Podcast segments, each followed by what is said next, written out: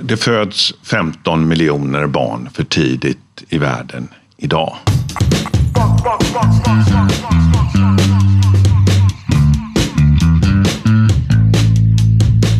Välkommen till Akademiliv som är en podcast från Sahlgrenska akademin, den hälsovetenskapliga fakulteten vid Göteborgs universitet. Jag heter Margareta Gustafsson Kubista, min kollega Elin Lindström Klasen. Hej, hej. Hej. Och så har vi dagens gäst, Bo Jakobsson. Välkommen. Tack så mycket. Eh, du är professor i obstetrik och gynekologi och verksam inom kvinnosjukvården på Sahlgrenska universitetssjukhuset. Och det är just där vi befinner oss nu, på Östra är vi, när den här inspelningen görs. Och vi har tänkt att prata om eh, forskning kring graviditeter, förlossningar och annat som du är expert på. Eh, men först, ehm, vad är det som gör graviditeten hos människa eh, så speciell jämfört med andra arter?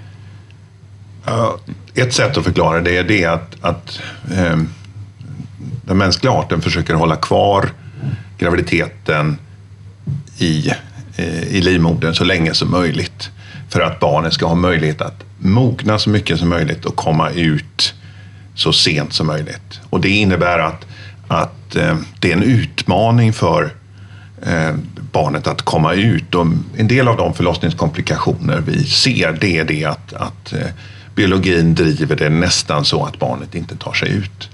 Och om man tittar på barnets storlek i relation till förlossnings Eh, kanalen där barnet ska ta sig ut genom kvinnans bäcken så, så är det väldigt små marginaler. Och på 70-80-talet så ägnade man väldigt mycket tid åt det och, och röntgade bäcken och liknande. Vi ägnar inte lika mycket tid åt det idag.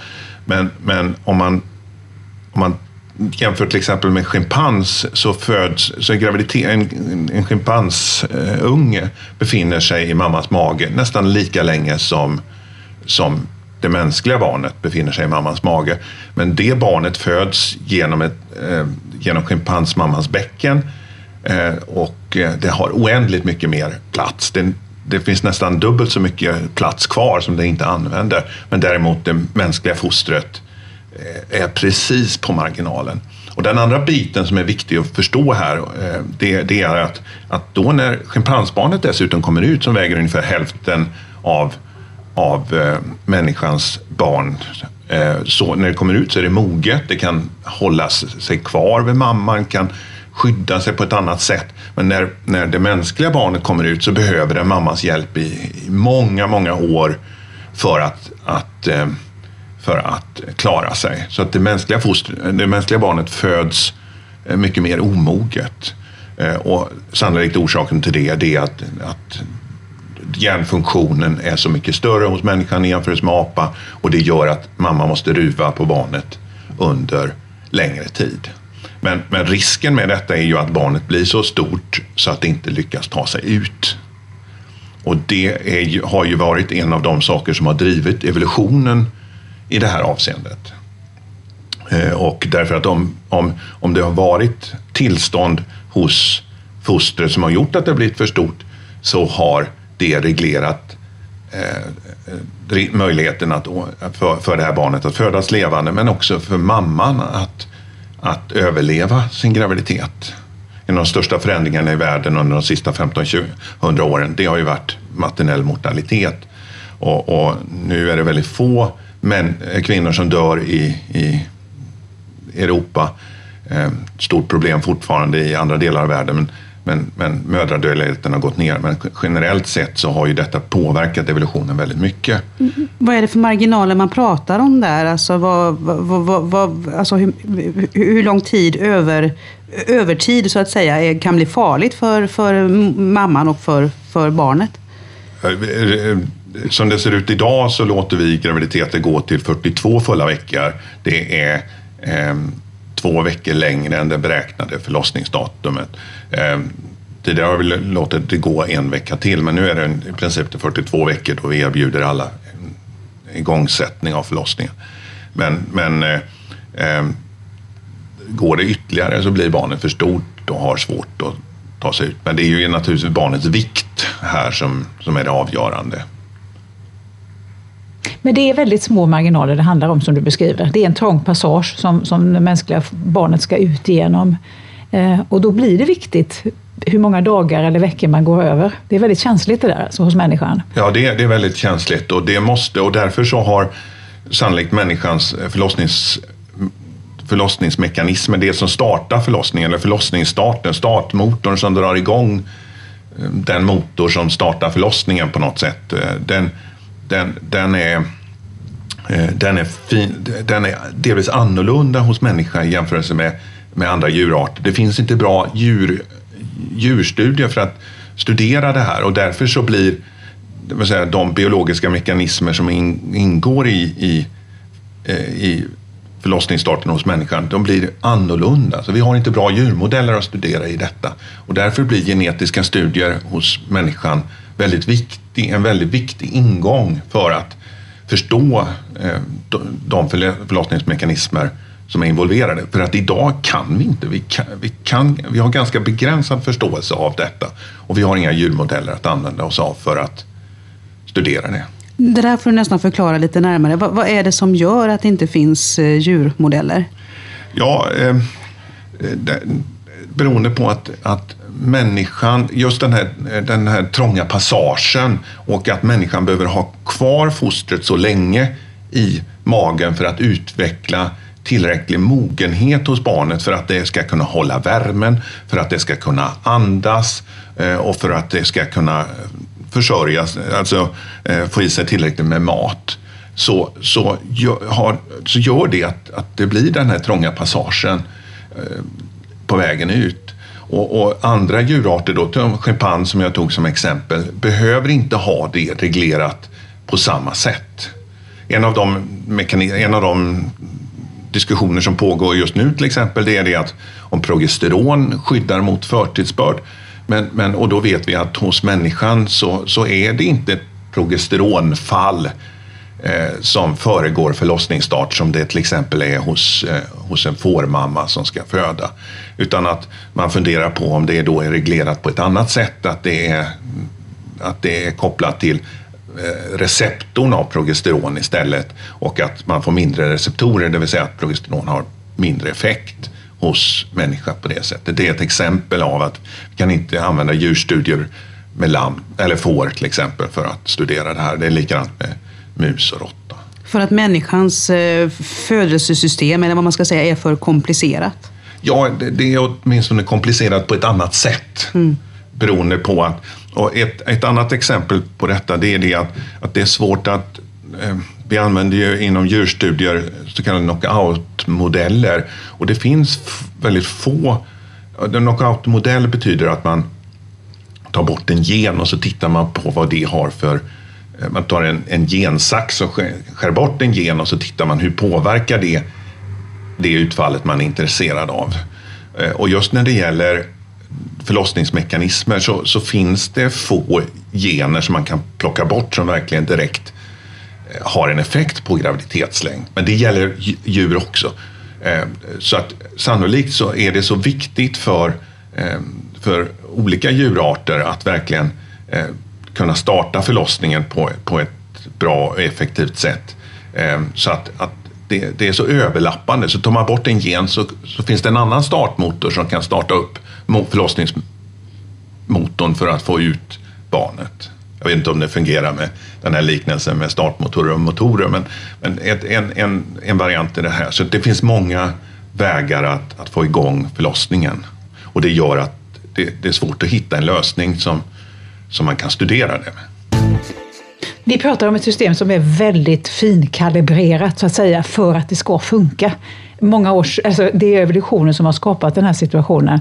Och när man försöker gå in och kanske skruva till på någon gen så finns det någon annan som kompenserar. Det är ett bra, sammanfatt ja. en bra sammanfattning. Så att, Exakt så, att man, så att barnet verkligen föds som det ska så att säga. Ja. Eh, du var ju med i höstas och publicerade en uppmärksammad forskningsstudie som, som handlade just om genetiken bakom förlossnings, äh, förlåt, eh, graviditetslängd ja. Och risken för förtidsbörd, alltså ja. att barnet föds för tidigt. Kan du berätta vad det handlar om? Ja, vi, vi har gjort eh, en så kallad GEVA-studie. Det är ett projekt som vi har hållit på med egentligen i 15 år.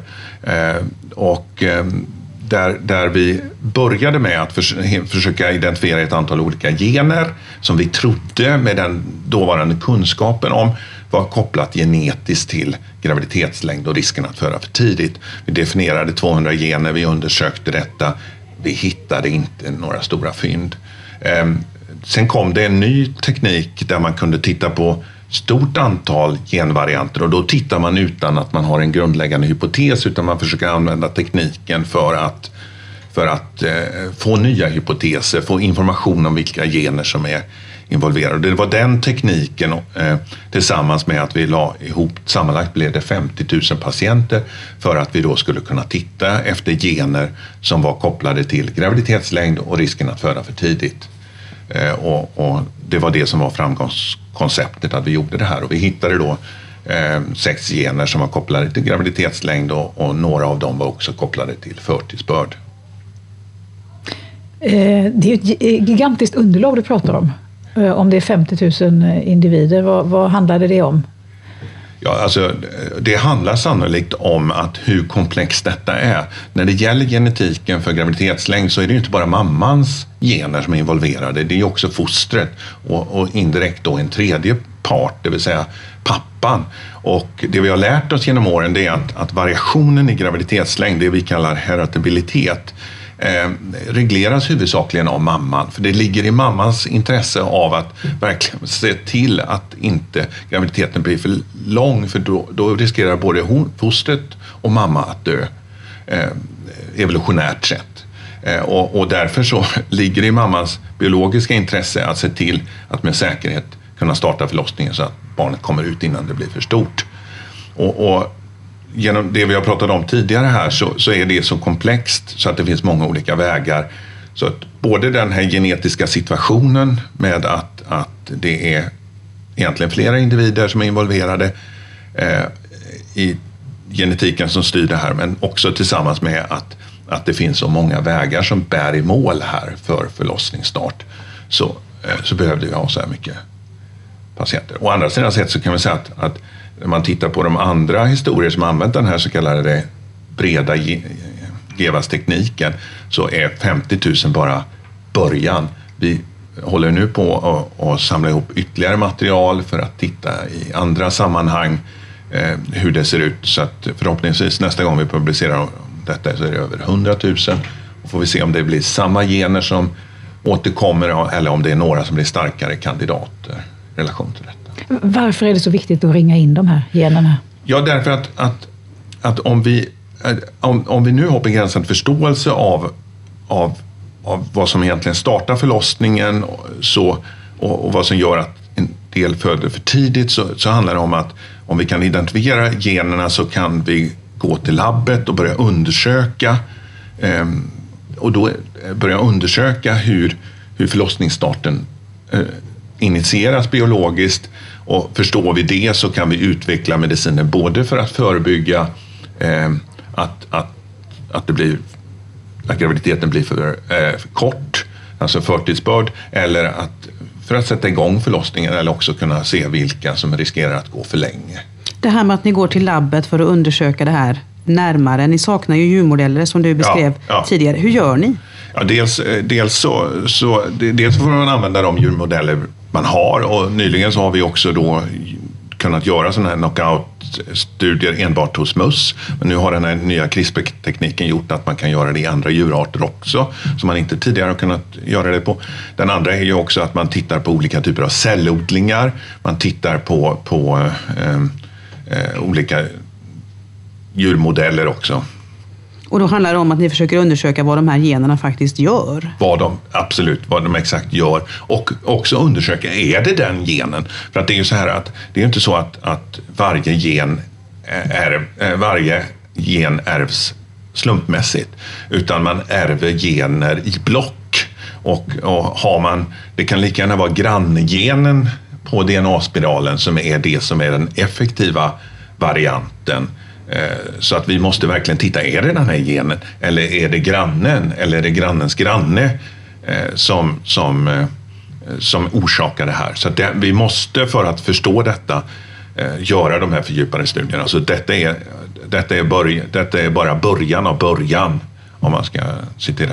Men ser du en framtid där man, där man undersöker faktiskt vad kvinnor har för gener för att sen liksom, med, kanske med läkemedel då förbereda så att graviditeten blir lagom lång? Ja, eller?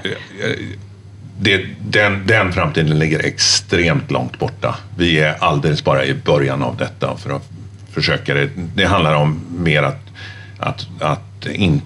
Det, alltså jag tänker inte att det är personcentrerad, eller personcentrerad vård i det här avseendet. Den, den ligger i en jättelång framtid. Men, men det handlar om att kunna utveckla att förstå de biologiska mekanismerna, utveckla läkemedel på sikt, inte, och det ligger inte nära, som kan användas för många. Nästa steg blir att kunna anpassa dos och om det har effekt. Men det, men det ligger jättelångt borta skulle jag säga. Mm. Det är spännande ändå. Absolut. Ja. Men- i de här tiderna där vi har, vi har ju kejsarsnitt och eh, möjligheter att sätta igång och sånt där. Vad, vad är det som gör att vi behöver, varför behöver vi den här kunskapen? Ja, alltså det föds 15 miljoner barn för tidigt i världen idag. Eh, och, eh, och det finns många faktorer som förklarar det.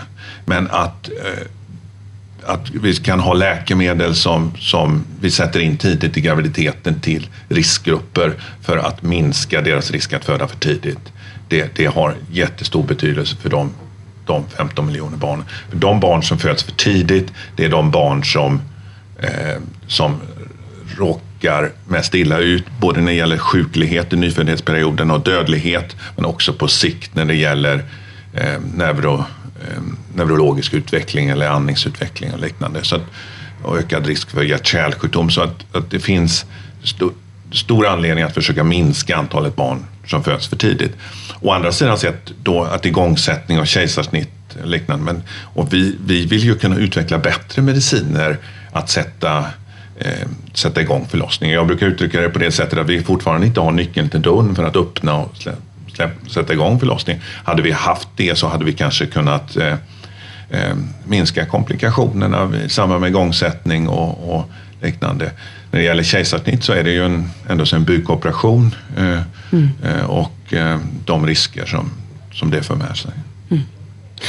Riskgrupper pratar du om. Vad, vad, vad vet vi idag om de här riskgrupperna? Vad är det som, som alltså, hur mycket kunskap har vi idag om, om, om eh, de faktorerna som gör att man, att man har en ökad risk för att eh, bära barnet för länge eller föda för tidigt? Det, det, det vi kan idag eh, om detta har vi ju liksom utvecklat under de senaste 50-100 åren kan man väl säga. Eh, och det, genom dem, inte minst via register som man utvecklat i, i, i Norden och, och andra länder. Eh, den viktigaste riskfaktorn är, har du fött en gång för tidigt tidigare? Eller har du en syster som har fött för tidigt? Eller har du eh, har, är du själv född för tidigt? Så det är de risk, viktigaste riskfaktorerna för detta. Sen en, andra viktiga riskfaktorer är att, att, eh, att eh, om du har havandeskapsförgiftning till exempel. Det, det är också en risk att både spontant för, födas för tidigt eller att vi som läkare är tvungna att förlösa för tidigt. Eh, socioekonomiska faktorer. Vi ser att de som får barn eh, för tidigt har en ökad risk att vara mer socioekonomiskt utsatta, mindre utbildning, eh, mindre inkomster, eh, rökning är en risk, viktig riskfaktor, fattigdom ytterligare. Alltså, rökning och, och så kan man ju kanske förstå möjligen, Ja. men, men det här med socioekonomiska faktorer, hur, hur kan det spela roll?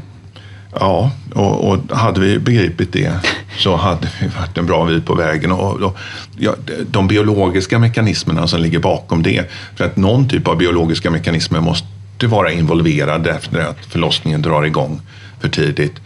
Eh, det finns det. Ett, en koppling, om man tittar till exempel åt, hos, i USA där, där detta är välstuderat så vet vi att vissa bakteriella störningar i slidan, det finns ett tillstånd som heter bakteriell vaginos till exempel, är mycket mer vanligt förekommande i socioekonomiskt utsatta grupper.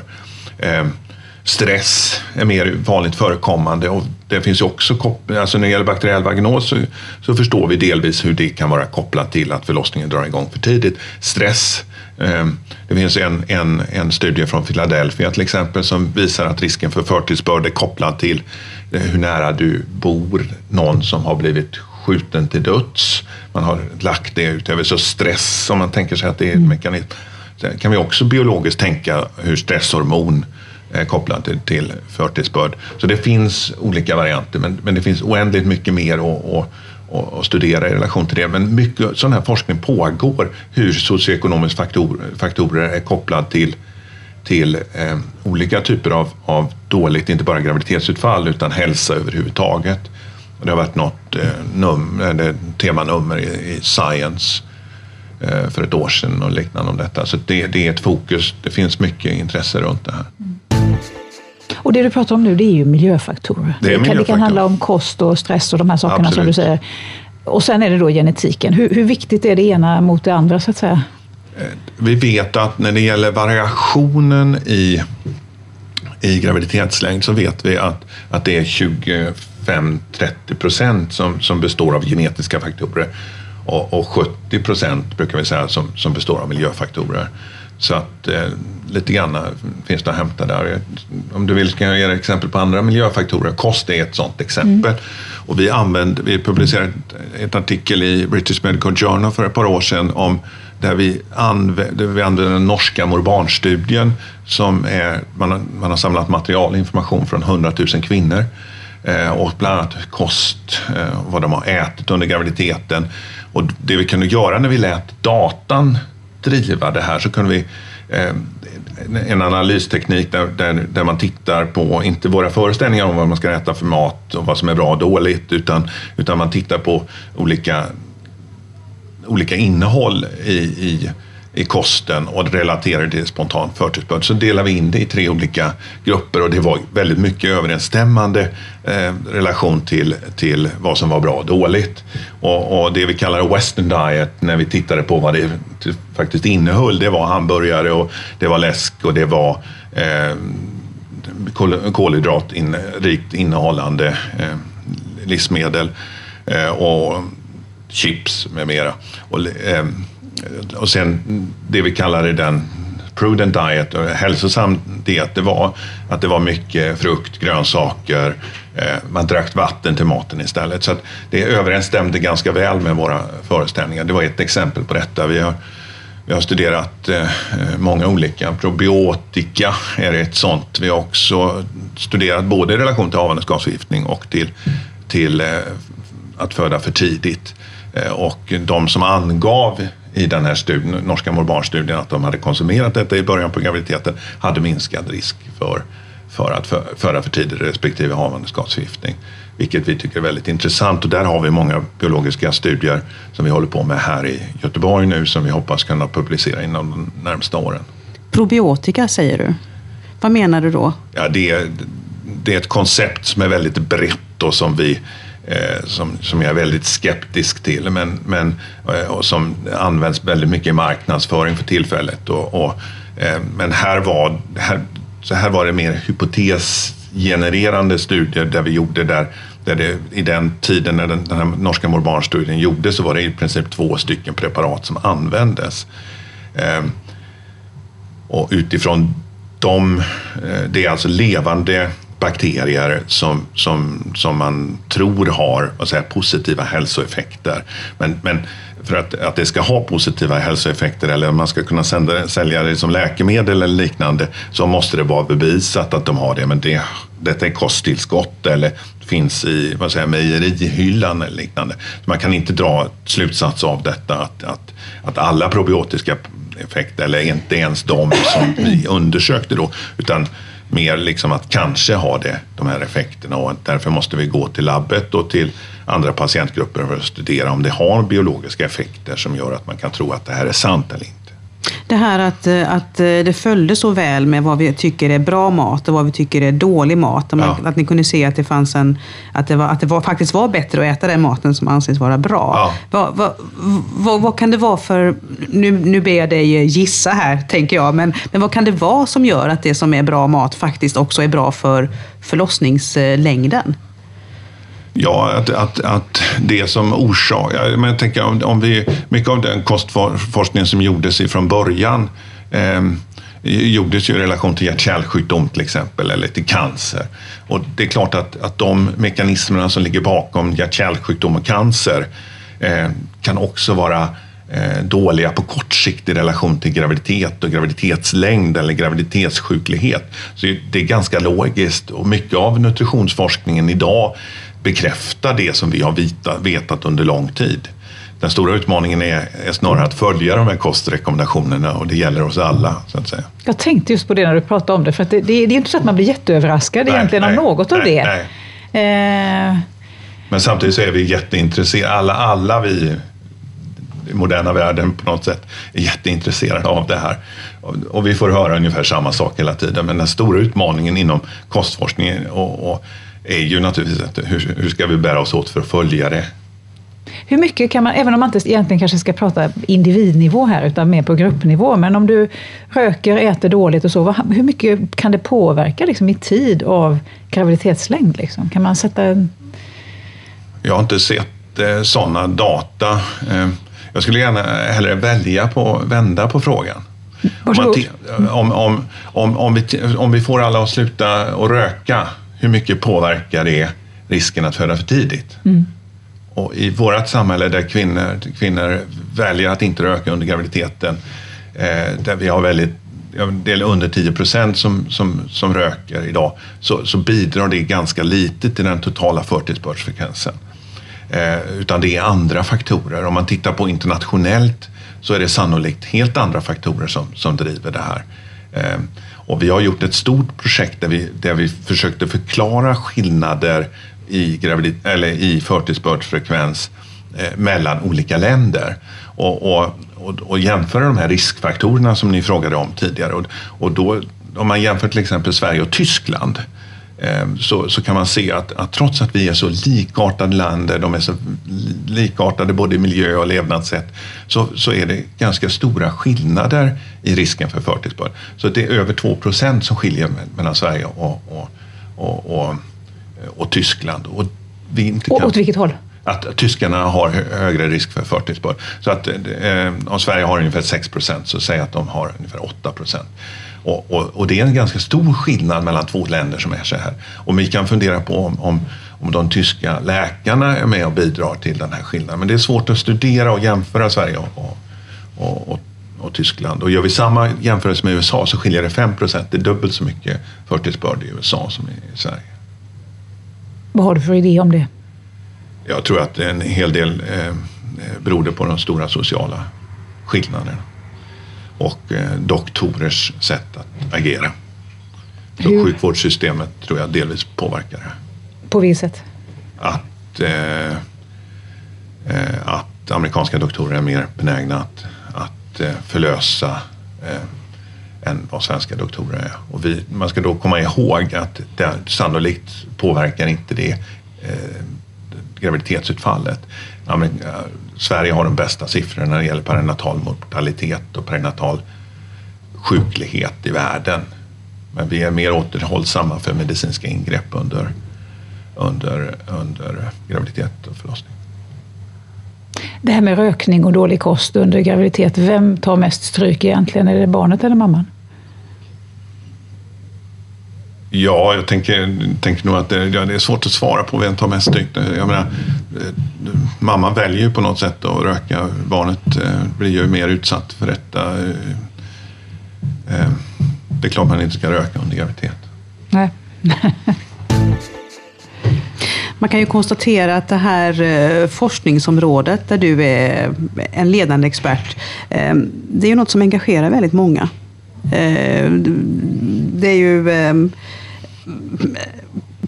Alltså det räcker ju att man som kvinna, som jag till exempel, som har fött två barn, så kan jag plötsligt tycka att jag är expert och kan ge en massa råd till en annan kvinna om ja. hur, hur man ska göra och vad det ska vara och hur det är och sådär. Hur, hur, ser du på det? Att det liksom, rön som kommer från, från ditt fält kan liksom uppröra så otroligt mycket, till exempel på sådana här sociala sajter som eh, Familjeliv och andra. Vad, vad tänker du om det? Ja, ja, det, är ju det är ett enormt privilegium som vi har som får jobba i en sån, en sån miljö där, där, som är så viktig för, för eh, medborgarna i samhället att, eh, eh att eh, liksom, vi är lite, jag tror att många av oss som, som finns i det här fältet, vi trivs att vara där mitt i. Liksom, det handlar om liv och död och det handlar om det är starka känslor och det, eh, det, vi är lite samma själva tror jag, många av oss. Att vi är känslomänniskor och, och vi, vi, vi, driv, vi trivs av att vara här. Jag får för mig också att det är ett sätt att hålla sig ung, att man är i den här världen. Det, det, det är väldigt stimulerande. Jag tycker det är eh, ja, det, det, det är utmanande. Men samtidigt så kan man, när man är vetenskapsperson i relation så kan man ju inte bry sig för mycket om det här. Men det är ju det är viktiga frågor och det är enormt viktiga frågor och det kanske är de viktigaste frågor vi har. Det handlar om att, att både då den vad säger, biologiska reproduktionen men också den sociala reproduktionen. Rep, reproduktionen i relation till det här. Och det, det, det är viktiga frågor. Det, det är liksom hur, för, hur, för, hur för vi oss vidare? Det är ju helt centralt. Det är därför vi sitter här. Men det är också en risk att det finns en massa uppfattningar som cirkulerar som ja. inte stämmer. Ja, så. ja absolut. Eh, hur förhåller ni er till det? Liksom? Ja, det, alltså, det, inom, eh, inom, eh, inom alla de medicinska områdena, men inte minst inom obstetrik och förlossningsvård och eh, så, så, har vi professionella organisationer som utvecklar riktlinjer. Vi har ju myndigheterna som kontrollerar verksamheten. Ett sätt är att försöka bidra till att sprida information. Eh, universitetets tredje uppgift är att kommunicera med samhället. Vi som jobbar på universitetet ska kommunicera, vi får delta i debatten, det är viktigt att göra det.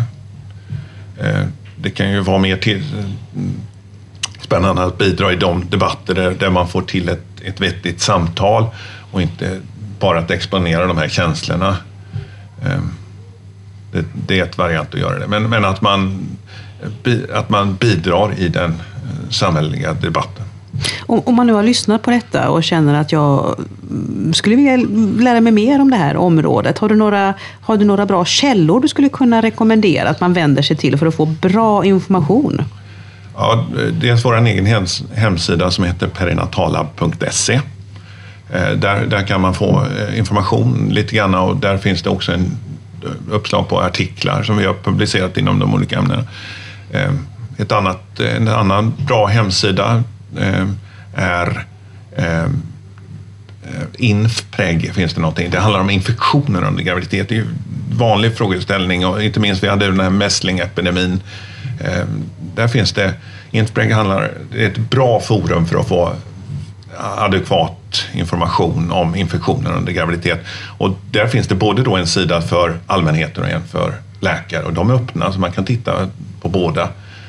Det, det är ett bra, det, det, är ett bra exempel. Sen finns det ju eh, internationellt sett när det gäller förtidsbörd så eh, March of Dimes, en amerikansk välgörenhetsorganisation som har mycket runt detta.